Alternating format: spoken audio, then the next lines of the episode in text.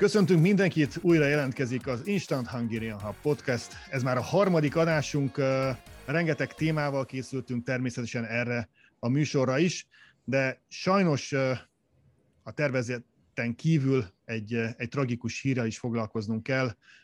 Az elmúlt napokban Orlandóban egy magyar családi tragédia történt, és két gyermek árván maradt. Ebben a témában szeretném állandó társamat, Pirost kérdezni arról, hogy, hogy hogyan is áll a helyzet ott most Floridában, mik a legfrissebb hírek ezzel az ügyel kapcsolatban. Szia Piros! Szia András, köszöntök én is sok szeretettel mindenkit. Igen, most szomorú, hogy sajnos ezzel a témával kell kezdjük, de igazából ugye ez annyira aktuális, ahogy említetted is, hiszen az egész amerikai magyar közösség ezt az ügyet figyeli, és teljesen megrázta ez az esemény a, a, tényleg az anyukákat, apukákat, családokat, és, és tényleg hihetetlen, ami történik itt körülöttünk. Ez nyilván ez a pozitív oldala, de beszélve először a lányok helyzetéről, most egy négy-öt fős kis bizottságunk most már 8.-9. napja folyamatosan próbálja az ügyeket intézni a két lányzó körül.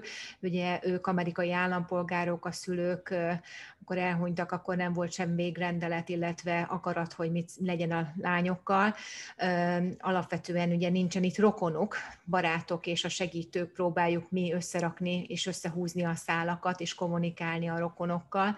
Nagyon, nagyon nehéz dolog ezt azért el kell mondani, hiszen nagyon érzékeny témáról beszélünk, nagyon sok dolgon mentünk keresztül. Alapvetően folyamatosan gyűjtjük még mindig a pénzt, hihetetlen módon kettő nap alatt 30 ezer dollár összejött, és mindegy 300 donor adott, adományozott kisebb-nagyobb összegeket, tényleg a legkisebbektől a legnagyobbakig elképesztő volt ez a fajta összefogás. Most is még folyamatosan gyűlik a pénz, körülbelül 40 ezer dollárnál járunk ami elképesztő, hogy a közösség hogyan reagált erre, azonnal mindenki a segítségünkre segí, futott, és megpróbált minden fórumon mindenki megosztani ezt az információt. Jó tanácsokat kaptunk, kaptunk rosszakat is, amiket igyekeztünk elkerülni, vagy nem figyelembe venni. Ez, ahogy említettem, hogy ez egy érzékeny téma, és minket is nagyon megviselt, minket, mint szervezőket, mint édesanyákat, alapvetően, hiszen a lányokat személyesen is jól ismerjük. A, Na, egy, egy, egy gyors, gyors kérdés. Hogy vannak a lányok? Egyébként a képernyőn látható az a, az a link, ahol egyébként aki szeretné támogatni őket, az, az oda kattintva elérheti ezt az oldalt, illetve mi a cél jelen pillanatban, mit szeretnétek elérni a lányok helyzetével kapcsolatban? A lányok alapvetően fizikailag jól vannak, lelkileg nyilván ez most egy komoly hullámvasút lesz még, ami előttük áll. Nagymama megérkezett, ez a legfrissebb információ, ami alapvetően nagyon megnyugtató, főleg ebbe a pandémiás időszakban azért nem volt még egyszerű ezt sem elintézni. A célunk az, hogy ebben az összeggel a jövőben lévő dolgaikat, lányoknak a jövőjét a tanulmányaikat tudjuk támogatni. Nyilván ennek is megvannak a jogi fórumai, illetve lépései, hogy mit kell tennünk. Igyekszünk ezt nagyon átláthatóan és mindenki számára nyilvánvalóvá tenni, hogy mit szeretnénk ebből az összeggel tenni. A lányok nagyon szorosan be vannak vonva ebbe, tudnak róla, és folyamatosan tudunk velük kommunikálni.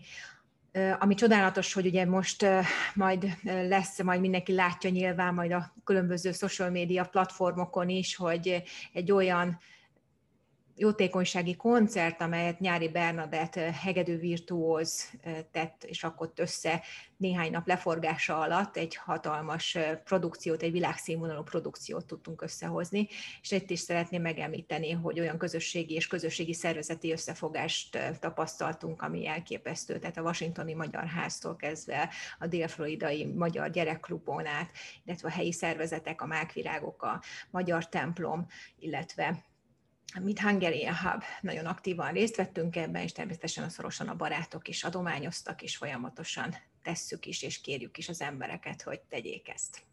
Gyakran illetik azzal a váddal a magyarokat, hogy nem tartanak össze. Ez egy olyan, olyan példa arra, hogy, hogy ez, ez mennyire nem így van, de nem ez az egyetlen példa, és ezáltal át, át is lépnék a következő témámra. A BTERV program egy olyan projektje volt a Hungarian Hubnak, ahol az Amerikában a pandémia alatt, a koronavírus világjárvány miatt munkájukat elveszített magyarokat próbáltuk segíteni álláshoz jutni, viszont ha jól tudom, már pedig jól tudom, ez a program ez, ez lezárult. Hogyan értékeled, hogyan, hogyan látod, mennyire volt ez sikeres? Abszolút sikeres volt, ugye ez volt a célunk, alapvetően ha egy embernek már találunk munkát, akkor már megértem. Sipos Andra és Török Rika kolléganőnk, önkénteseink hihetetlen elánnal és folyamatos ötleteléssel álltak elő, és ezen keresztül próbálták promótálni magát a projektet. Igazából ugye Amerikában egy kicsit más már a helyzet, mint Európában vagy Magyarországon. Elértük a célunk, nagyon sok embernek találtunk ezen keresztül munkát, de azt érezzük, hogy sokkal inkább szeretnénk másra fókuszálni ezt az energiát, ezt a hihetetlen ötletelés, 5-6 járatot szeretnénk másra fókuszálni, és ekkor jött az ötlet, hogy mi lenne, hogyha a korhatártalan programunkat egy kicsit felfejlesztenénk, és még inkább olyan emberekhez tudunk eljutni, ami természetesen még érinti akár ezt az oldalt is, a munkakeresés szempontjából is, a mentálhigiénés problémákat is ugyanúgy meg tudjuk fogalmazni, hogy azon keresztül, hogy milyen nehézségekkel tud szembenézni, akit itt él Amerikában, és hogy munkát akar például találni. De ezen kívül ugye rengeteg olyan ötlet merült föl egy Magyarországi nagy civil szervezettel, a Magyar Ifjúsági Konferenciával együttműködve elindítottunk még hatékonyabb kampányt, melynek pont célja az, hogy ezt a projektet felfutassuk, és a Amerikában élő orvosok, mentálhigiénész szakemberek, akár még jogászok is tudjanak csatlakozni és adatbázisba regisztrálni magukat, ezáltal a magyar honfitársaink el tudják kérni ezt a, az adatbázist, és hozzá tudnak fordulni olyan szakemberekhez, amikre biztosan szükségük lehet. Hatalmas örömünk van abban, hogy olyan nagykövetek vállalták el azt a feladatot, mint Novák Henrietta színművésznő, ezen kívül Mircit, a közösségi diplomata Washingtonból, Vojtrutko Hawaii-ról, és dr. Virga Ágnes idegsebész főorvos asszony is, aki a Magyar Amerikai Orvoskamarának az egyik oszlopos tagja. És akkor most következzen egy beszélgetés asztalos emesével, aki ennek az egész korhatártalan program ötlet gazdája, mondhat, mondhatjuk ezt. Ő egyébként egy magyar református lelkész, aki Floridában, Daytona környékén praktizál, tehát következzen most ez a beszélgetés.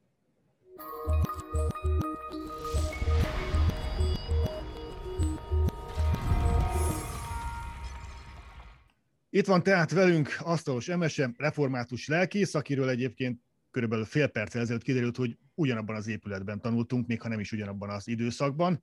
Köszöntünk téged, Emese. Kezdjük azzal, hogy református lelkészként a teológia után hogyan keveredtél Amerikába, közelből pedig Floridába? Sziasztok, én is mindenkit sok szeretettel köszöntök. Hát ez egy hosszú történet, de megpróbálom röviden. Hajrá! röviden összefoglalni. Tehát én 2003-ban, miután végeztem a teológián és a segédlelkészi évet is befejeztem, ösztöndíjra jelentkeztem, és ide Amerikába kaptam egy tanulmányi ösztöndíjat a Columbia Theological Seminary, Decatur, Georgia, tehát végül is az Atlantának egy város része, hogy ott tanuljak. Engem nagyon foglalkoztatott a, a gyülekezetépítés, a gyülekezetfejlesztés, és ez a, ennek a teológiának voltak külön szakágai ezzel a témával kapcsolatban, és így kerültem oda. De ugye a, ez egy tanulmányi évre szól, tehát addig volt a, a tanulmányi vagy tanuló vízumom is, meg volt a repülőjegyem is június elejére, miután végeztem az iskolában, hogy ismét hazamegyek, tehát igazából nem tartozott a terveim közé az, hogy én itt maradok Amerikában, de hiszem azt, hogy az Úristennek más terve volt velem, úgymond, és akkor a, a, azon az ösztöndíjas éven megismerkedtem innen Daytona Beachből egy amerikai lelkésszel, aki pont abban az időszakban költözött a városnak egy olyan részére, ahol nagyon sok magyar élt, fiatalabb magyarok, és ugye hát miért is ne, minden este, vagy minden hétvégén a bográcsfőzések, ilyen-olyan baráti összejövetelek, és, ő meg, és őt is meghívták, mint jó szomszédot, úgymond, ezekre az összejövetelekre, és neki nagyon megtetszett így az egész magyar közösség, és egyszer az gondolat támadt a fejében, hogy miért nem mennek el a magyarok az ő templomában, és főznek ott mondjuk egy jó vacsorát, és meghívják a barátaikat. Na hát ez megtörtént 2003 karácsony előtt, és több mint száz magyar e, jött össze a rántott hús rizibizi e, vacsorára, és ő nagyon hitt abban, hogy ez ugye nem véletlenül történik, hogy az Úristen vezérli őt, vagy tereli ebbe az irányban, és ő úgy gondolta, hogy hogy igenis ez egy újabb elhívás Istentől, new call, hogy a, a magyarok közt valamiféle missziói munkát ő végezzen, de hát ugye nem beszélt magyarul. Uh-huh. És még akkor igencsak um, kevesen tudtak jól angolul, úgymond itt a közösségben, főleg a fiatalabbak közül, és ő um, szeretett volna egy olyan valakit találni, aki ismeri mindkét nyelvet, plusz még van valamiféle lelkészi háttere, vagy teológiai háttere, és följött Atlantába, hogy megismerkedjen az akkori ösztöndíjas, magyar ösztöndíjassal, mivel ő is ezen a teológián végzett, és tudta, hogy minden évben ott van egy, egy magyar diák. Hát most pont azon az éven én voltam, és, és rögtön ugye a, mesélni kezdett, hogy itt micsoda fantasztikus magyar közösség van, és hogy már a templomba is mennyien elmentek erre a vacsorára, és hogy ő úgy látja, hogy ez valami új dolognak a kezdete, és hogy szeretné, hogyha én valami úton, módon ebbe tudnék neki segíteni. Hát fogalmam sem volt, hogy igazából mire gondolt még akkor, de, de addig, addig kell egy győzködni, kell egy győzködni, kell egy, kell egy győzködni Hát téged? igazából nem, de, de nem szerepelt a terveink között az, hogy én ott hagyom a hazámat, és egy másik országba fogok élni, vagy itt alapítok családot, úgymond, de, de úgy foglalkoztatott is a dolog, úgymond egy újfajta kihívás az én életembe is, vagy személyemnek, és, és elrendezte tényleg az Úristen rajta keresztül, hogy, hogy sikerült meghosszabbítani a vízumomat, és úgymond egy ilyen nyári gyakorlati dologra jöttem le Daytona Beachbe 2004 májusában. És azóta, és azóta ott vagy? itt vagyok. Igen. Ott családot alapítottál, amerikai férjed? Nem, magyar. Magyar. És nagyon van. érdekes. Igen, hogy otthon Magyarországon kevesebb, mint 30 kilométerre laktunk egymástól, és ide kellett jönnünk, úgymond az óceánon keresztül, hogy megismerkedjünk. De ezek már 10-17 éve, és aztán néhány évvel ezelőtt érkezett Piros a környékre, Pontosan. és hát mint tudjuk, Piros eléggé proaktív. Hogyan találtatok ti egymásra? Ez Piros, tőled is hát. kérdezem. Érdekes, sose kérdezte ezt még senki meg tőlünk. Nem tudom, hogy emlékszel elmese, de az első magyar hívásom egyébként éppen hozzád irányult.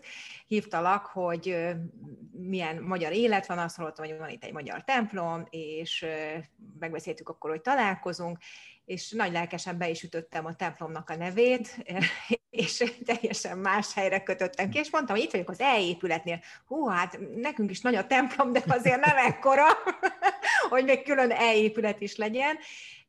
És akkor akkor találkoztunk, és hát tényleg azóta én azt gondolom, hogy barátság, olyan barátságot sikerült kötnünk, mert nehéz volt nekem elképzelni, hogy, hogy lelkész nővel tudok, hogy tudok beszélni, milyen hangnemet kell megütni, és nagyon sokakkal látom, akik most beszélnek veled először, vagy találkoznak veled először, akkor ugyanezt érzik, és hát fantasztikus nyitottsággal és lazassággal, és hát ugye kiderült hamar, hogy körülbelül három-négy nap van köztünk mindössze születési dátumilag is, és minden szempontból nagyon hasonló a gondolkodásunk, legalábbis a magyar közösség és a családnevelés szempontjából mindenképpen. Azt tudjuk, hogy Piros, te vagy a Hungarian Hubnak a, a, az ötletgazdája, kitalálója, de az MSE is nagyon komolyan, aktívan részt vesz az egész programban. Ő, ő hol szerepel, vagy te hogy érzed, MSE, de hol szerepelsz ebben a, ebben a gépezetben, ebben az egész társaságban? Ó, hát igen, mm, amint szokták mondani, a jó lelkész holtig tanul, tehát én is úgymond egy újabb iskolába vágtam bele így a piros támogatásával, vagy felkérésével úgymond a Hungarian Hubon keresztül. Egy végül is hozzátartozik a lelkészi szolgálathoz, a lelkészi hivatáshoz, mert nem nevezném igazán a munkának, mert nem egy ilyen 8 órás napi munkáról beszélünk, hogy a, a lelki gondozás és a, a szociális szolgálatok ellátása, ami így szerintem hozzáköt jobban a Hungarian Hubhoz és külön ehhez az új korhatártalan programhoz. Térjünk rá a korhatártalan programra. Egy picit távolról közelíteném meg ezt az egészet. Hogy tapasztaltad a koronavírus világjárvány az, az hogyan érintette a gyülekezetetek, gyülekezeteteket, és a, illetve a, a magyar közösséget ott, ott Florida azon központi részén? Hát szerintem mindenkit nagyon megdöbbentett és megfélemlített szó szerint ez az egész világjárvány, és, és ez még jobban felszínre hozott olyan mind lelki, mind szociális problémákat, nehézségeket, amit úgymond előtte is megvoltak, de most még fokozottabban Hát például az, hogy az időseknél az elmúlás, az elhalálozás, az úgymond kézzel foghatóbbá lett az életükben. Tehát nem az van, hogy jó, majd valamikor meghalok, hanem, hanem az, hogy, hogy ez most már tényleg nagyon közeli. Tehát valóságosabb, úgymond. Picit beszélj arról, hogy ez a korhatártalan program mi is, egészen pontosan, illetve, illetve hogyan tud segíteni a, az Amerikában élő magyarokon? A, a korhatártalan program, hát ugye a pandémia idején jött létre, és kimondottan azért, amikor ugye a maradj otthon rendelet ugye kijött, hogy, hogy ha nem szükséges, tehát hogyha nem valami olyan dolog van, hogy az embernek útra kell kelnie, akkor maradjon otthon, és ugye ez főleg az idősebbeknél ők mondjuk jobban megijedtek, vagy jobban talán betartották ezt, úgymond, vagy nem volt olyan sürgős dolog vagy ok, ami miatt el kellett volna, hogy hagyják az otthonukat, és és ugye meg hogy az, hogy ők ugye a veszélyezettebbek, mint, mint bármelyik más generáció ebben a, a világjárványban. És a, úgymond a segítségnyújtás, tehát akár a bevásárlás, a gyógyszer, a fölvétele a gyógyszertárból, vagy bármiféle postára kell menni, vagy bármilyen dolog intézésében Igazából nem kérték, hogy segítsünk, de láttuk, hogy szükség van rá, mert mondták, hogy majd talán jövő héten már elmegyek a boltba, és akkor veszek ezt, azt. Akkor majd csinálok egy nagy bevásárlást, és ugye én megmondtam, hogy hát én úgy is megyek, vagy a fiatalok úgymond gyakrabban mennek, hogy akkor esetleg tessék mondani, mire van szükség, és akkor megvesszük, csak leteszem az ajtó előtt, be se kell menni és Ugyanakkor a másik oldalról a fiatalobbak közül is voltak felajánlások, hogy ha valakinek kell segíteni, szóljatok, mert akár, amit mondtam, a bevásárlással, vagy ilyen-olyan dologgal, um, hogy úgymond mi könnyebben, vagy bátrabban mozgunk, még ebben a világjárványban is, uh, mint a, az idősebbek. És ez a korhatártalan a program ezt a kettőt uh, próbálja összeszervezni hogy, hogy tudjuk mind a két felet segíteni. Mondhatjuk az, hogy ez egy helyi kezdeményezésként indult, és, és a Hungarian Hub, Piros a Hungarian Hub segítségével terjesztettétek ki ezt a, ezt a programot egész Amerikára, illetve, illetve a Hungarian Hub a platformon kívül mit tud még, még adni ennek a programnak a sikerességéhez? Nagyon érdekes volt, hiszen ugye ez, ez az, ami, amit, amit Emese is említett, látható volt, hogy ezek a tendenciák minden közösségben megjelennek. Egy New Yorki megkeresés hatására indítottuk el alapvetően ezt a projektet, hiszen összeállt az sok információ egybe, és hogy láttuk azt, hogy érdemes ezt összeszervezni. Azon túl, hogy amiket említettem Ese, hogy ugye, hogy bevásárlás, vagy éppen a gyógyszerfelvétel, nagyon fontosnak tartottuk azt is, hogy a lelki egyensúlyokat az idősebbeknek, illetve a 40 év felettieknek tudjuk tartani, és segíteni, ezért összeszövetkeztünk egy olyan magyar lelkisegély szolgálattal, akik lényegében ingyenesen tudták fogadni a hívásokat, és tudtak beszélgetni azokkal, akiknek erre igényük volt. Természetesen igyekeztünk bevonni a lelkészi szolgálatot is, így emesét is ugyanúgy lehetett hívni bármilyen lelki problémával. Nyilván, hogy itt más az összetétele az időseknek, más, hogy már megközelítése, hogy nem, nem annyira nyitottak tulajdonképpen a hívásokra sok esetben, ezért a magyar közösségeket igyekeztünk elérni, és felhívni ennek a súlyos problémának a lényegére, és nagyon boldogok vagyunk, mert nagyon sokan meg is osztották, szórólapokat gyártottunk előre, próbáltuk azt, hogy ők is osszák a közösségükbe, de ugye ezt a korosztályt nehéz elérni.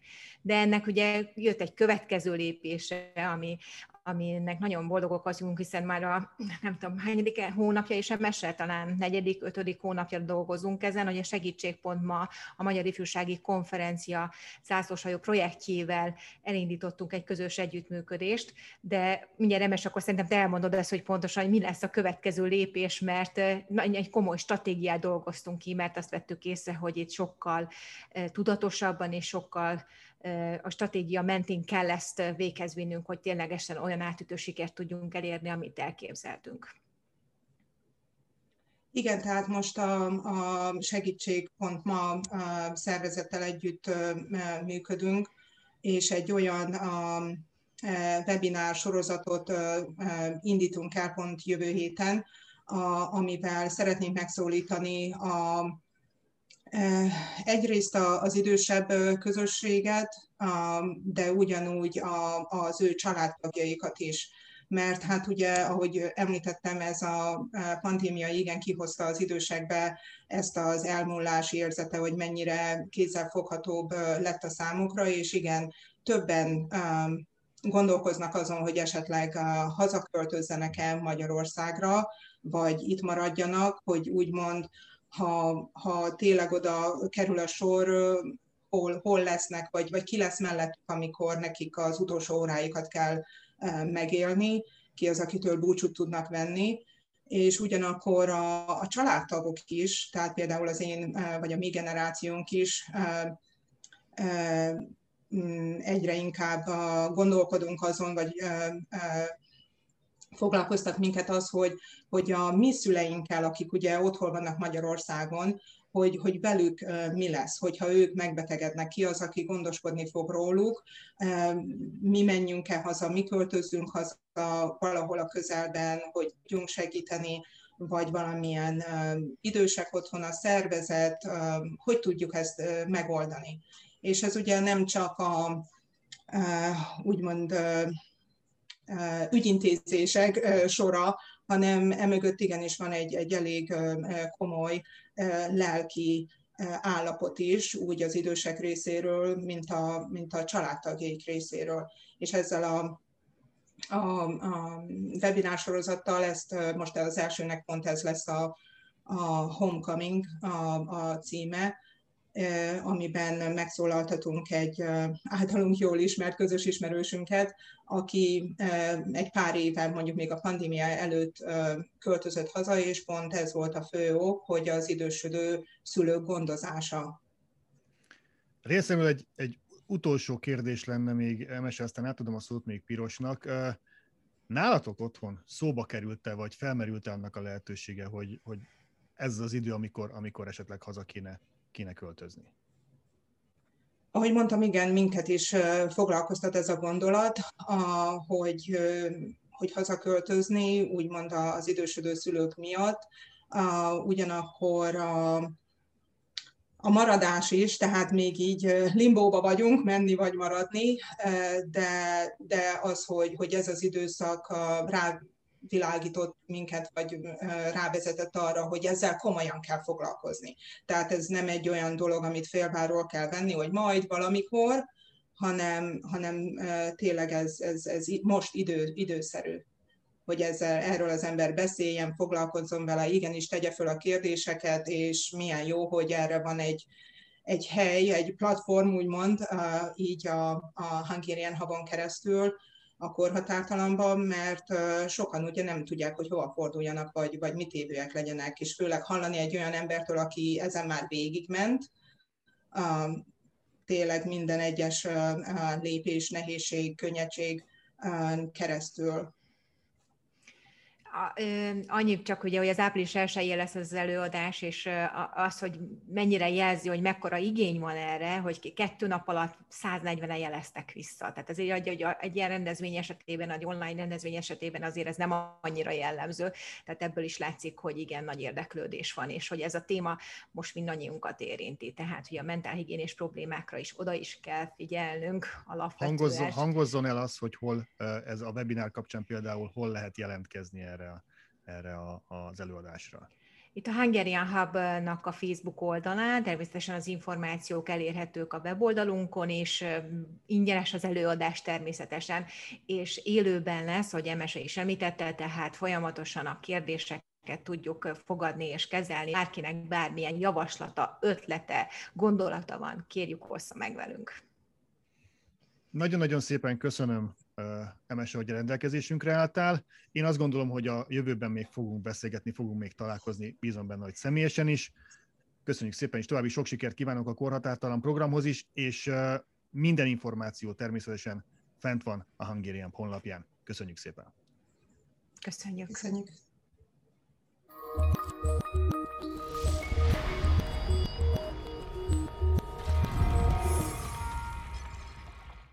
A korhatártalan program a mai témánk igazából, a mai fő témánk, de nem múlhat el adás anélkül, hogy ne foglalkoznánk a szeptember végére tervezett Hungarian Summit-tal, amely Daytonában lesz megrendezve. Mi úgy tervezzük, hogy meg lesz rendezve, igaz, Piros? Abszolút, meg lesz rendezve. Nem tudom, hogy ki lesz itt, de mi megrendezünk viccen kívül nagyon komolyan úgy gondolom, hogy meg tudjuk rendezni. Nagyon lelkesek vagyunk, figyelembe véve azokat a körülményeket, amik itt vannak Daytona Beach-en, már most is szinte megmertük volna rendezni, legyünk őszinték, de alapvetően, ami Európában jelenleg a pandémiás helyzetet látjuk, hogy milyen szinten van, nyilvánvalóan nagyon helyes és nagyon okos döntés volt, hogy elhalasztottuk, aminek egyébként te voltál a leginkább szokás szerint a, a, szokás, a realistája, és, és sajnos tényleg beigazolódott, vagy szerencsére most már, de természetesen készülünk arra, hogy egy hibrid megoldásban gondolkodunk, tehát hogy azok, akik nem érzik még akkor sem majd biztonságban azt, hogy utazzanak bármere is a világban, természetesen nekik is igyekszünk ezt elérhetővé tenni, de nagyon izgalmas, tehát azért te is látod, hogy egyszerűen már mini bizottságok, újabb tagok érkeznek, újabb ötletek, hihetetlen a kulturális program rész is egyre erősebb és színesebb és kreatívabb azért ezt hozzá kell tenni. Bízunk benne, hogy szeptember végére tényleg eh, itt Amerikában is, és az európai helyzet is stabilizálódik annyira, hogy már lehet majd nyugodtan utazni. Egyébként nem tudom, Piros, te hogy érzed, de én a saját bőrömön egyre inkább azt érzem, hogy, eh, hogy ez, ez, eh, ez egy abszolút reális kitűzött cél.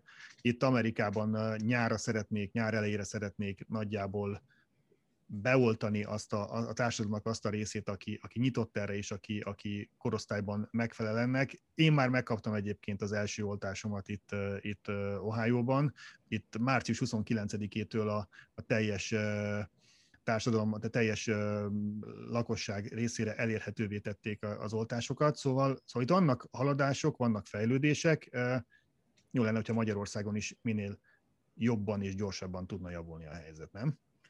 Abszolút, és egyébként jó neked, azért mi Floridában ugye az állat, átlag életkor egy kicsivel magasabb, ugye szoktam így viccelni, hogy a 65 év felettiek beoltják, hogy körülbelül talán mondjuk a jövő hétig, aztán a maradék a társadalomnak az a része, aki Floridában él és 65 év alatti, az, azt egy hét alatt végeznek, nem, ez egy kicsit túlzás természetesen, de egyébként nektek megvan már a jegyetek Magyarországra? Ti mentek itt is, nem? Mi még, nem, mi még nem mertünk venni, nekünk van egy másfél éves kislányunk, és igazából ha mi, mi be is leszünk oltva, tehát mi úgy tervezzük, hogy április folyamán megkapjuk a második oltást is mindketten, és ezáltal a védettségünk nagyjából felépül a májusra, viszont a másfél éves kislányunk kapcsán nem vagyunk biztosak benne, hogy, hogy most a közeli néhány hónapon belül egy ilyen hosszú utazást azt megmerünk-e kockáztatni. Majd folyamatosan figyeljük a, a, a, a helyzet alakulását Európában, és, és az alapján fogunk dönteni, de most ha most kéne azt mondani, a lényeg, nincs még jegyünk Magyarországra, nem tudjuk, hogy mikor tudunk hazamenni. Nagyon szeretni, másfél éve lassan mi, mi sem voltunk otthon, úgyhogy, úgyhogy nagyon hiányzik a család, nagyon hiányoznak a, a rokonok, a barátok. Ez a helyzet, ez most egy ilyen, ilyen nagyon faramúci állapotot hozott magával, amit túl kell élni, és aztán utána majd megyünk tovább. Ez így van, így van. Én se gondoltam volna, hogy most egy évvel a pandémia indulása után még ilyenekről fogunk beszélgetni, és még, még most is bizonytalan a helyzet, és tudjuk, hogy a honfotársaink, akik szeretnének hazautazni, ez milyen nagy nehézséget jelent számukra is, lelkileg, fizikailag is, és nyilvánvalóan, hogy pontosan a szeretteink nagyon várnak már minket haza, tehát nagyon-nagyon nehéz lesz, hogyha ezt nem tudjuk teljesíteni idén, de nézzünk pozitívan előre, és a tényleg a pozitív szó az majd pozitív legyen, majd indul egy ilyen kampányunk is természetesen, hogy szeretnénk azt majd felhívni a figyelmet mindenkinek arra, hogy hogy ha, ha pozitív szó, az valójában tényleg a pozitív jelentését eh, tartalmazza a jövőben, ezért egy játékot, egy fotópályázatot indítunk hamarosan. Mindenki figyelje majd a Hungarian Hubnak a Facebook oldalát és a websájtját is természetesen eh, reméljük, hogy ténylegesen ez előkészítője lesz majd a Hungarian Summitnak is. Részletek tehát hamarosan eh, a honlapon és a Facebookon, de most következzen egy olyan híresség, már-már celebritás Vujt Rütko szemében, aki egyszer csak gondolt egyet, és nem csak, hogy Amerikába költözött ki családjával Magyarországról, hanem meg sem állt Havaig. Következzen tehát vele egy beszélgetés.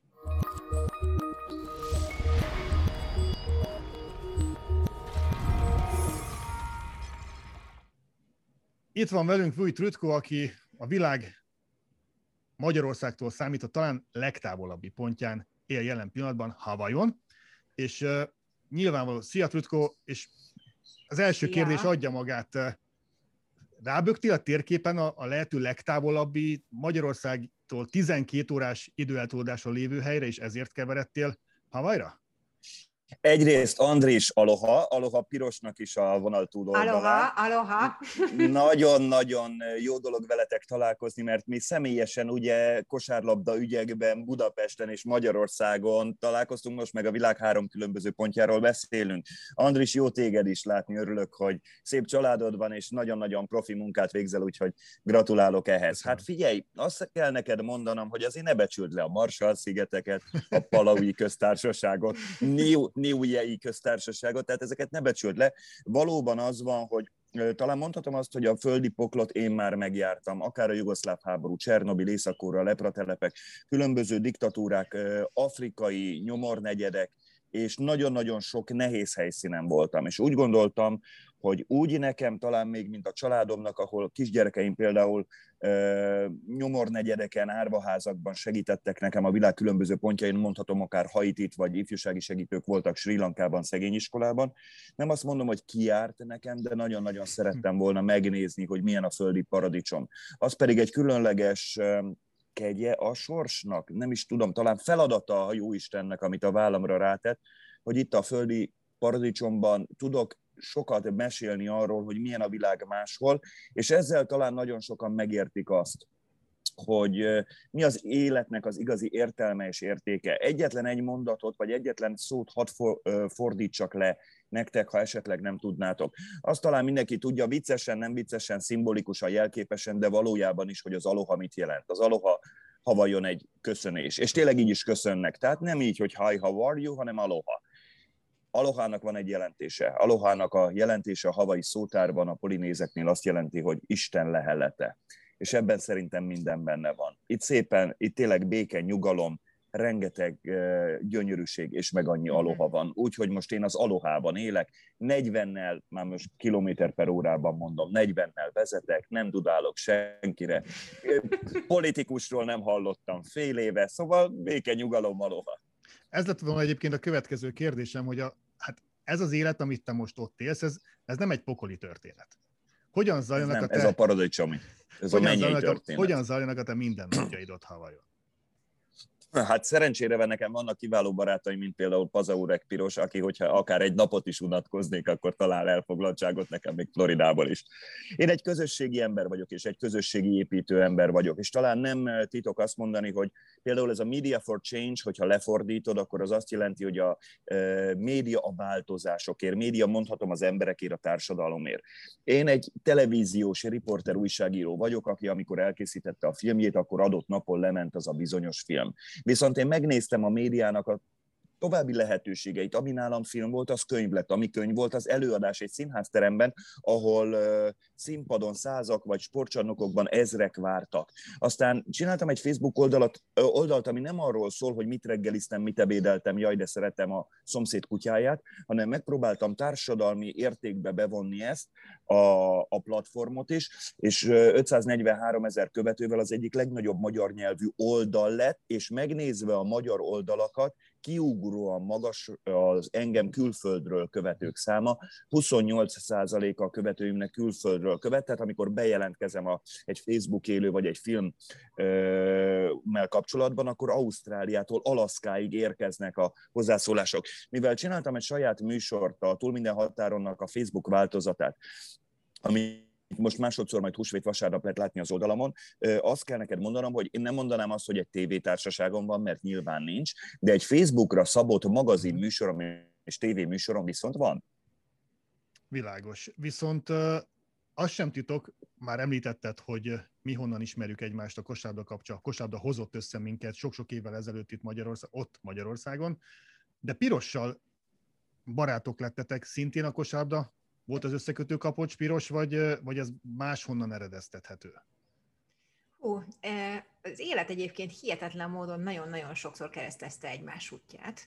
Valamilyen út, egymás nem is tudom, mikor találkoztunk először, 20 éve most már lassan. Édesapám kapcsán kerültünk mi kapcsolatba, hiszen édesapámról még egy könyv fejezet is született, de ezt inkább majd Trütkó elmondja, hogy milyen téma kapcsán. Illetve utána jött a kosárlabda, ott is össze találkoztunk többször, hiszen ugye felesége Trütkónak nagyon jó barátom is egyben, Györgyi ugye válogatott kosárlabda játékos, aztán ugye Washingtonban is találkoztunk, amikor kiköltöztetek a két nagy fiúval, Barnabással, és Benjamin, bocsánat, ezt majd lehet, hogy ki kell vágni, nem tudom. Minden. Így a jó. Így a, így a jó talán. Uh, és tehát, hogy folyamatosan kapcsolatban vagyunk azóta is. Tehát amikor kijött Hawaii-ra, azt ugye az elsőként megtudtam, hogy ez volt az úti cél, azóta is folyamatosan kapcsolatban vagyunk, hetente beszélünk egymással, és próbáljuk inspirálni egymást. Remélhetőleg ez ide és oda is működik. Ez pontosan így működik, és most ugye a hallgatóknak, nézőknek elárultuk, és megtudhattátok, hogy Pazaurek Piroska 32 éves, ha 20 évvel ezelőtt találkoztunk, így van. Ugyanis én 12 éves korában ismertem meg Piroskát. Egy mondatot hadd említsek meg, ha lehetőségem van, mindig megemlítem. Magyarország mindig a kreativitásnak, a hazája, a szürke állománynak gyakorlatilag szerintem a csúcsa volt. Ezt mutatja az a rengeteg díj, Oscar-díj, Nobel-díj, fantasztikus magyar tudós, akik valamit elértek. És Pazorek Piroskának az édesapja, Pazorek Dezső, az egyik legkreatívabb ember volt, akivel valaha találkoztam. A világ talán úgy ismerte meg a kedves bolondságával kapcsolatban, amikor megalapította a Tamagocsi temetőt, és japán turisták tömegével érkeztek Pirosék falujába Dunaszekcsőre, de Dezső ennél sokkal-sokkal több volt. Rászoruló gyerekeket segített, mint nyári Mikulás augusztus 20-án, hogy azért nyilvánvalóan ne legyen annyira sztereotíp a dolog, hogy, vagy, hogy december 6-án érkezzen a Mikulás, és millió egy más ötlete volt. Dezső nekem mondhatom azt, hogy abban a kreativitásban, amit ő művelt szó szerint az életben, némi szatírával, hatalmas lélekkel, szívvel, egyfajta kreatív példaképen volt és lett. És ezt a kreativitást és ezt a jó lelket egyébként, néha nagyon őrült gondolatokat, hatalmas álmokat, de mindig előre nézve, és vidáman és boldogan ezt az ő lánya, Piroska örökölte. Úgyhogy én nekem piros, mondjuk úgy ebben a lelki társam, de inkább azt mondom, és inkább így fogalmazom, és ebben biztos nem bántom meg őt, hogy amikor én pirossal beszélek, akkor mindig Dezsővel is beszélek. És egy utolsó gondolatot engedj meg, nem akarok senkit se elszomorítani. Annak idején a MÁV kórházban, amikor Dezsővel beszélgettünk, Piros édesapjával élete utolsó napjaiban, akkor volt a párnája alatt egy notesz. És a noteszben még ott volt egy csomó ötlet. Le volt írva, hogy mit nem valósított még meg. Én úgy gondolom, hogy ez a notesz jelképesen, és nem csak jelképesen ott van Piros fejében, és valamiért én is úgy érzem, hogy ezt a noteszt, ami ott volt a párna alatt, azt valamilyen módon még meg kell valósítani legyen így. De igazából ugye Trutkom, mi neked nagyon-nagyon sokat köszönhetünk, azt ezt el kell mesélnünk Andrisnak is, mert akkor még Andris ugye nem volt kint az Egyesült Államokban, és akkor te éppen itt voltál a két nagy fiaddal, Washingtonban itt éltél, és ugye akkor rögtön felvettük újra a kapcsolatot egymással, és igazából a Hungarian Hubnak az alapítójának is tarthatunk téged, hiszen alapvetően veled indult el maga ez az egész kezdeményezés. Régóta volt tervevéve, hogy el kellene valami nagyobb országos non-profitot indítani, és akkor jött az ötlet, hogy ha már itt vagy, miért ne jönnél le hozzánk, és tarts egy előadást, és abból a bevételből visszaadunk a közösségnek azt, azt, azt az összeget, amit a jegyek árából befolyt, azt viszont visszaadjuk az helyi szervezetek számára. Az így is történt, egy nagyon-nagyon sikeres előadást szerveztünk. Ugye New Yorkból, Észak-Karolinából, mindenhonnan érkeztek, és az óceánparton, szó szerint a világ leghíresebb óceánpartján tartott el egy fantasztikus előadást, közel 130-140 ember előtt, ami akkoriban egy óriási rekord volt. És annyit még hozzáteszek, hogy ami nem a közösségnek ment pénzösszeg, az pedig nem sokkal később indult repülőgéppel Sri Lankára, mindenki aláírt egy magyar zászlót, és a sri lankai cunamiban ugye annak idején, amikor 300 ezer embere meghalt a szökőárban, akkor 30 ezeren haltak meg Sri Lankán, akkor a baptista szeretett szolgálat létrehozott egy mondjuk úgy, hogy árva a házat, bár voltak ott olyan gyermekek, akik egyszülősek maradtak, és és nagyon rossz körülmények között éltek, de akkor ott a Daytona Beachben ott lévő amerikai magyarok aláírásával ellátott zászlót Sri Lanka kellős közepén a dzsungel mélyén egy zászlórudra a magyar himnusz hangjaira fölhúzták, és akkor, amikor ezt a képet elküldtem, illetve talán a videót is elküldtem Pirosnak, akkor azt mondta, hogy na, akkor mostantól van Hungarian Hub, és ez egy nagyon jó élmény volt. És azóta is él és virul a Hungarian Hub szerencsére viszont nekem, amikor én megtudtam, hogy te Havajra költöztél, akkor egy, egy amerikai tévéfilm sorozat jutott eszembe, annak a címe, aminek az volt, hogy miért éppen Alaszka, miért éppen Havaj, és aztán nemrég kiderült, hogy, kiderült, hogy dokumentumfilm készül rólad. Mi is ez egészen pontosan, és ez a magyarázat annak, hogy te most jelen pillanatban Havajon vagy? Miért éppen Alaszka? Na figyelj! én 1997-ben egy eh, házi buliban eh, Pintácsi Viktória Szandi uh. nővére bemutatott egy lánynak. Úgy hívták, hogy Tünde. Tünde, Tündével együtt táncoltunk, telefonszámot cseréltünk, nem hívott fel engem, mert nem régiben bevallott, soha az életében nem hív fel senkit telefonon, de nagyon szimpatikus voltam neki, aranyos voltam, szépen udvaroltam, házasságkötés előtt, gyermekek nem voltak, tehát miért ne tettem volna, csinos lány volt. Szóval felhívtam Tündét, akit ma Ted Tündének hívnak, mert nekem van életemben egy álmom őrült álmok, amik vonzanak, hogy menjek előre. A világ egyetlen olyan városa, ami városi ranggal bír, de egyetlen épületben lakik az egész város, ezt a VTR-nek hívják, és Alaszkában van, Anchorage-tól nagyjából másfél órányi autóútra. És tett tünde ott él ne, Alaszkában.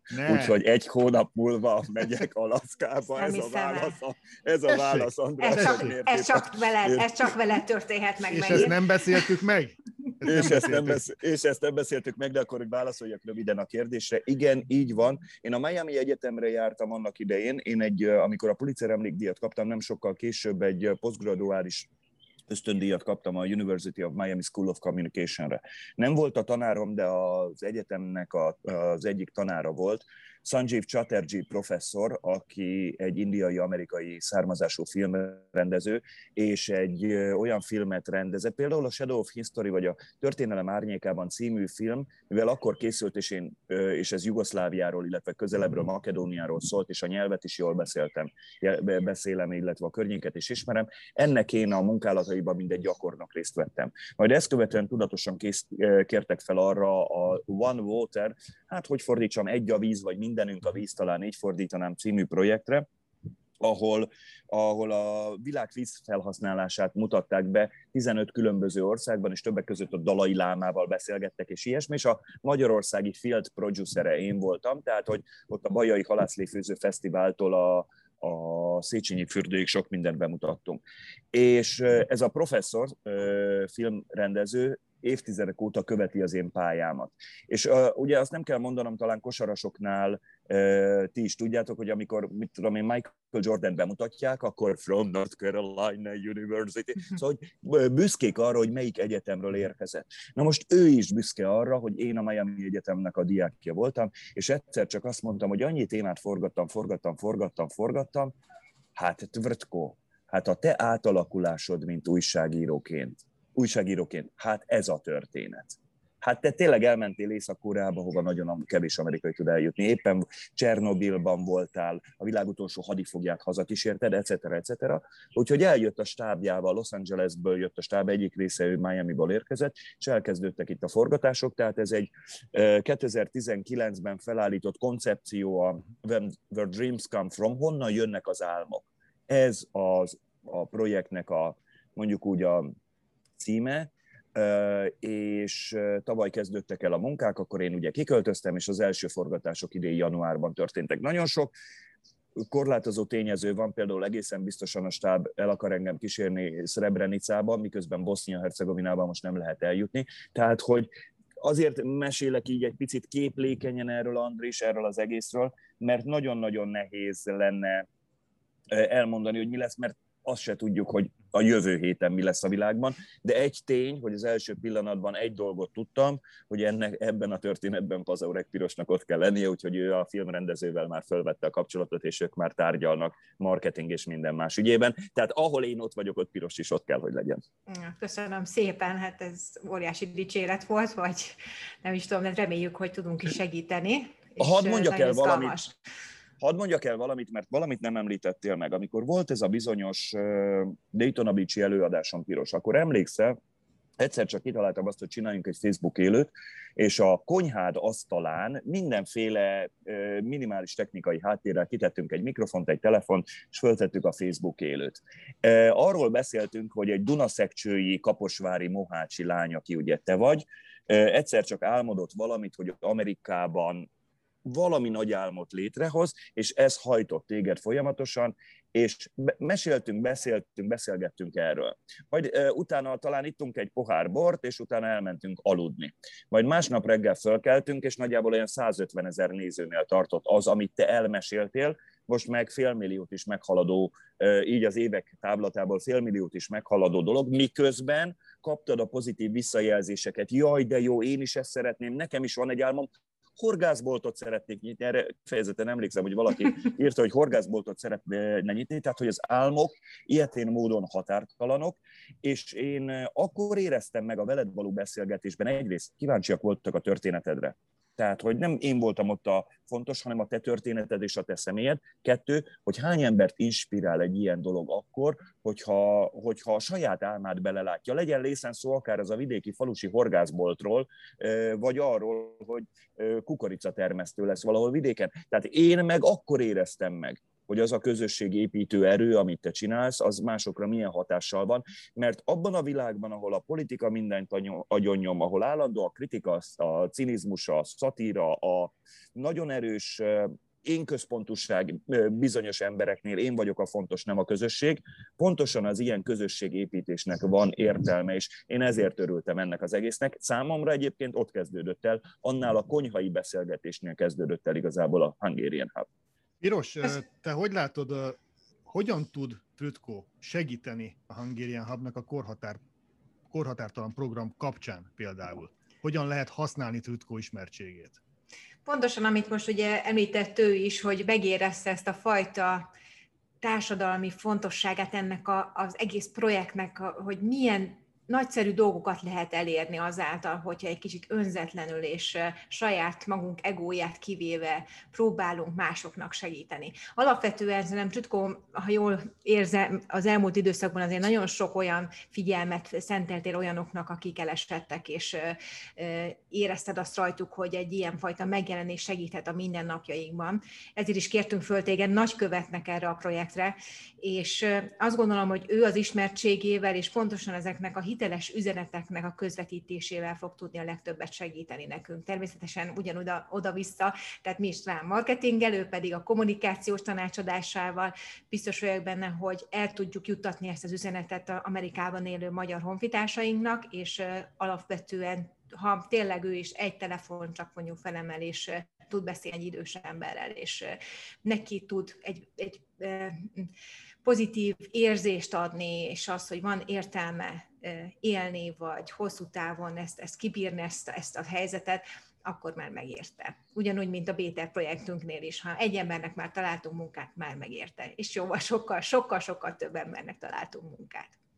Teszem hozzá, hogy a kapcsolatépítés és a kapcsolat összehozás az talán, ami, ami mindannyiunk számára fontos. Tehát amikor azt mondtam, hogy Ugye eljött egy csodálatos misszióra, csak és kizárólag ezért elrepült hozzám Hawaii-ra nyári Bernadett művésznő, egy olyan hegedű művésznő, akit a művészetem miatt egyes cikkekben André Rieuhez, Vanessa Méhez hasonlítanak, egy, egy, egy egészen elképesztő zenész familiának a hihetetlenül magasan képzett Bécsi konzervatóriumot végzett tagja, és, és amikor kiderült, hogy Floridában van, a, ott él a férjével Miami-ban, akkor én összehoztam őt pirossal. Azt követően a közösségen belül történt egy sajnálatos eset, egy szörnyű tragédia, és abban a pillanatban, amikor pirosék kitalálták, ti kitaláltátok, hogy legyen egy jótékonysági est, akkor kinek a művészetére lehetne támaszkodni, és abban a pillanatban Pirosnál már ott volt a notezben a telefon, a telefonszám, ha jól tudom, akkor a felvétel, úgy vagy a,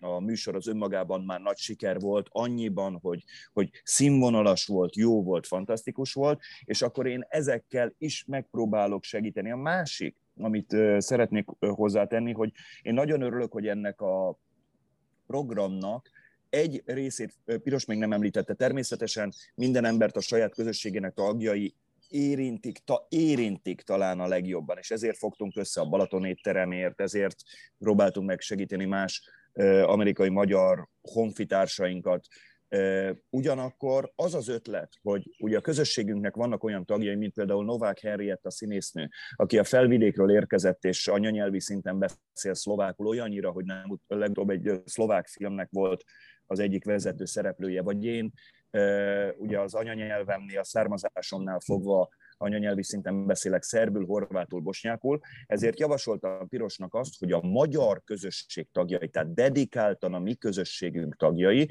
semmiből nem áll nekem, hogyha ha egy hozzánk fordul, tehát olyan emberek a mi közösségünkben, a magyarok között, akik más nyelvet az angolon kívül is beszélnek, akkor én nekem semmiből nem áll, hogy egy idős szerb nénit, horvát nénit, bosnyák bácsit fölhívja, mert akkor nem az csak, hogy el lehet mondani, hanem egy jó érzés, hogy a mi közösségünk, a mi közösségünkön segít, de lehet, hogy kopogtat más ajtókon is, és lehet, hogy ez az idős szerb néni egyszer csak azt fogja mondani, hogy fölhívott engem egy magyar fiú, aki egyébként horvát, és még szerbül is beszélt velem, jaj, de jó, és akkor nem mutatkoztat. Tehát, hogy magyarul a közösség a közösségekért elvis benne van ebben a dologban. Pontosan. Reggelig tudnék veletek beszélgetni. Nekem még egy, egy kérdés viszont mindenképpen fel szeretnék tenni, Trütko. az időeltolódás, illetve a, a fizikai távolság miatt nem érzed egy kicsit távol magad a, a világ többi részétől, illetve, illetve milyen hosszú távon terveztek ti most a családdal Hawaii-ban? Ha lehet Nézd, ezt... meg lehet, tőlem bármit kérdezhetsz, és tudod, egy jó újságíró arra válaszol, amire akar. Na, Pontosan. jó, bele, egy jó, jó nézni benneteket egyébként, tehát jó a beszélgetés. Figyelj, a, két hete megismertem Szendi Györgyöt. Szendi György egy Komárom-Esztergom megyei asztalos, aki megunta a betondzsungelt, dorog mellett, és vett magának egy házi őserdőt itt Havajon. Van neki tíz hold őserdője. És végigjártuk ezt az őserdőt, én beleestem a patakba, elsüllyedtem a tóba, volt vele mindent, tehát nyakig mocskosul sáros voltam, és a legvégén leültetett Gyuri, az asztalos, aki egyébként Floridából költözött ide, nem csilliárdokért vásárolta az őserdőjét, hanem magyar rész, magyar fifika, leült, és amikor úgy gondoltam, hogy na most elmondja a, azt, hogy miért, hogy mi az a, amikor te is várod most tőlem azt a választ, hogy miért, mennyit, hogyan, akkor Gyuri leült, és az egész hét legfontosabb mondatát elmondta nekem. Figyelj ide, Vritkó! Jó, oké. Okay. A vaddisznó lusta állat mindig a legkönnyebb utat választja a dzsungelben, érdemes követni. Na most ennél jobban én se tudok ezzel kapcsolatban mondani.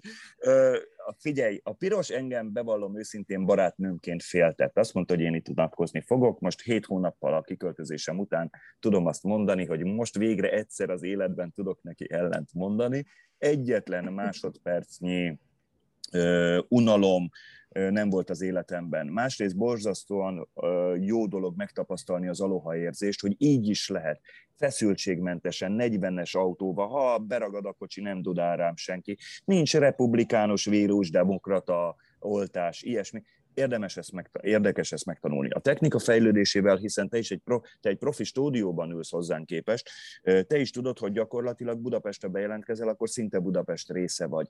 Én online tévéműsor csinálok, például húsvétra könyvet írok. Ha én most előadást tudnék tartani, mert nem tudok, nem tudok kiállni a Szegedi Belvárosi mozi, vagy a Hírös Agóra, vagy a Stefánia Palota színpadára, most én úgy gondolom, hogy nem teltház, hanem tripla teltház lenne otthon, egyszerűen azért, mert olyan élmény anyagok voltak Havajjal kapcsolatban, amiből egy komplet, két komplett előadást föl lehetne építeni. Még egy dolgot hadd mondjak el, hogy az emberek felfogták azt Magyarországon, talán jól kommunikáltam, talán jól lehetett ezt bemutatni, hogy én nem egy drága pénzen bemutat, befizetett luxusutazáson vagyok itt, hanem egy nagy munkával kiharcolt lehetőség birtokában vagyok, és ezzel megpróbálok élni. És még egy dolog, egy három gyerekes családapa soha nem unatkozik. Ez, ez, ez szinte olyan örök érvényűként tudom mondani, mint a vaddisznóknak a csapását. Tehát nekem három gyerekem van, hidd el, valakinek mindig van valami kérdése. A, bocsánat, utolsó mondat, meddig tervezünk. Én tervezhetek, Isten végez. Ügyes válasz. Stílusos befejezés.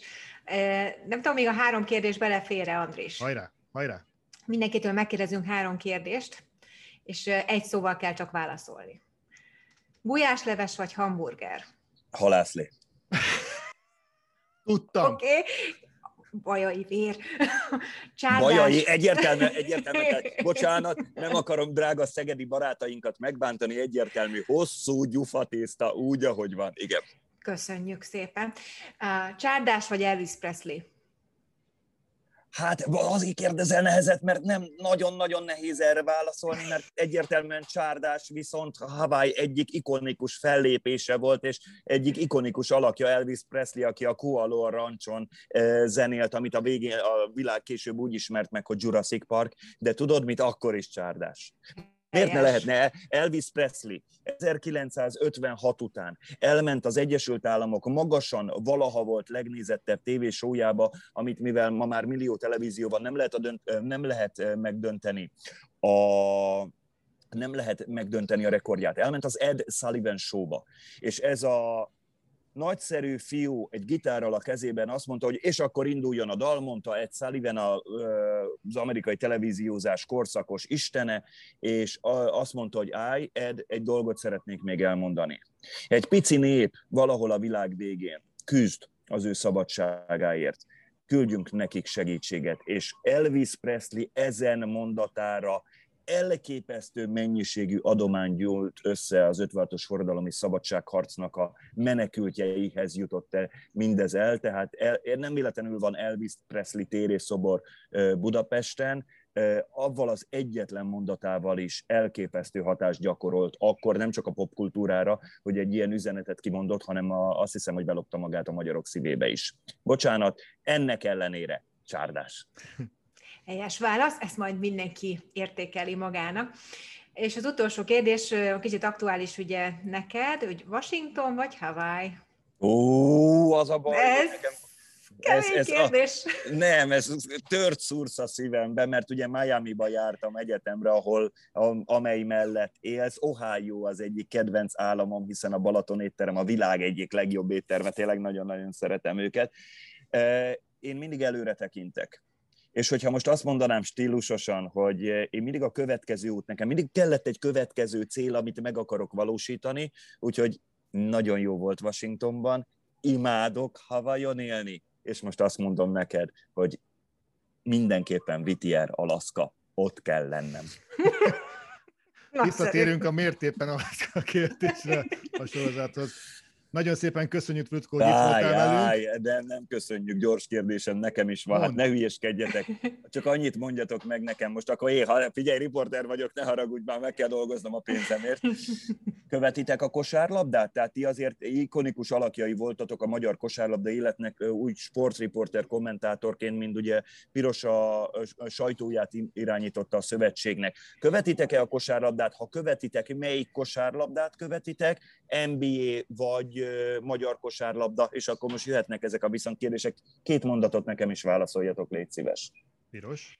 Annyi, hogy marketing, ez fontos, ugye, hogy marketing, igen. ő volt a sajtófőnökünk, Andris igen, volt igen. a sajtófőnök. Szécsi Orsi például, mint akkor válogatott kosárlabda játékos, az önkéntes a Hungarian Hubnak folytassam. Én így követem a kosárlabda játékosoknak az életét és tevékenységét. És az utolsó ember, akit megöleltem Washingtonban történő 2017-es az a költözésünk előtt, az egy washingtoni parkban Szécsi Orsi volt. Andris? Ennyi.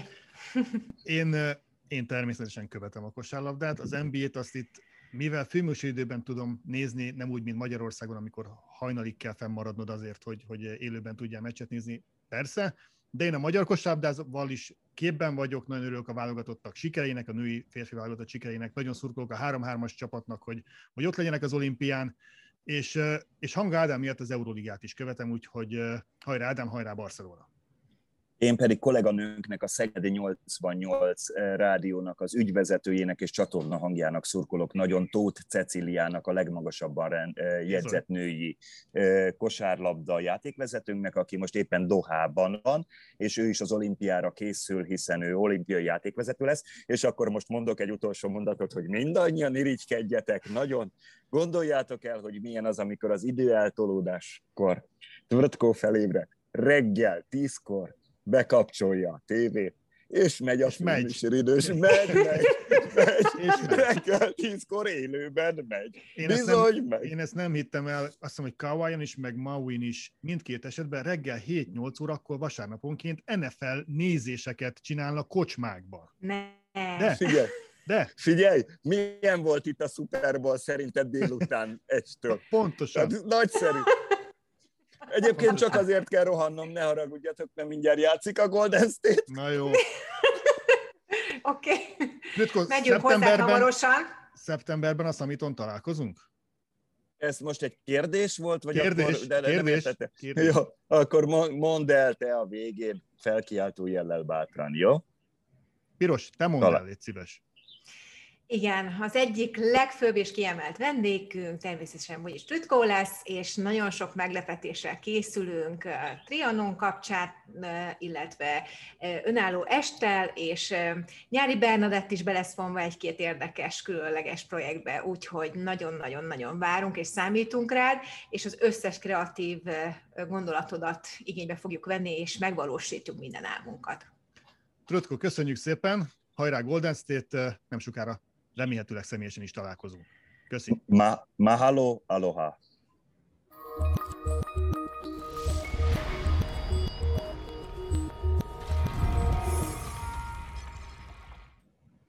Trütko tehát, ha, ha minden jól megy, akkor szeptemberben a Hungarian Summiton is főszereplő lesz, de addig még sok minden történik eh, a Hungarian Hub szám, eh, házatáján is. Piros, eh, valamiféle évkönyvről hallottam én, mi is ez pontosan?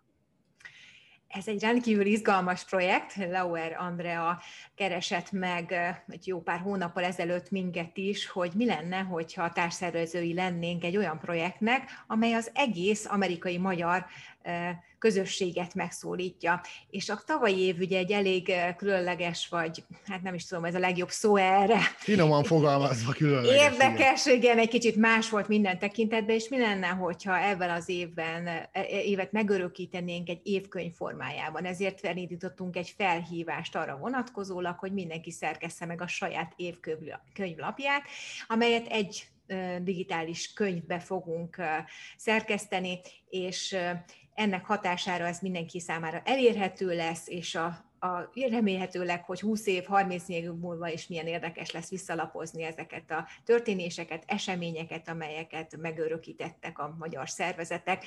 Nagyon érdekes, mert ugye első alkalommal szerveztük, és mintegy 68 szervezet regisztrált, és beadta az évkönyvnapját. Nagyon-nagyon várjuk, hogy mi lesz az összes, az összes végeredménye, és nagyon várjuk azt, hogy mindenki hogy fogja ezt fogadni ténylegesen, fizikálisan is.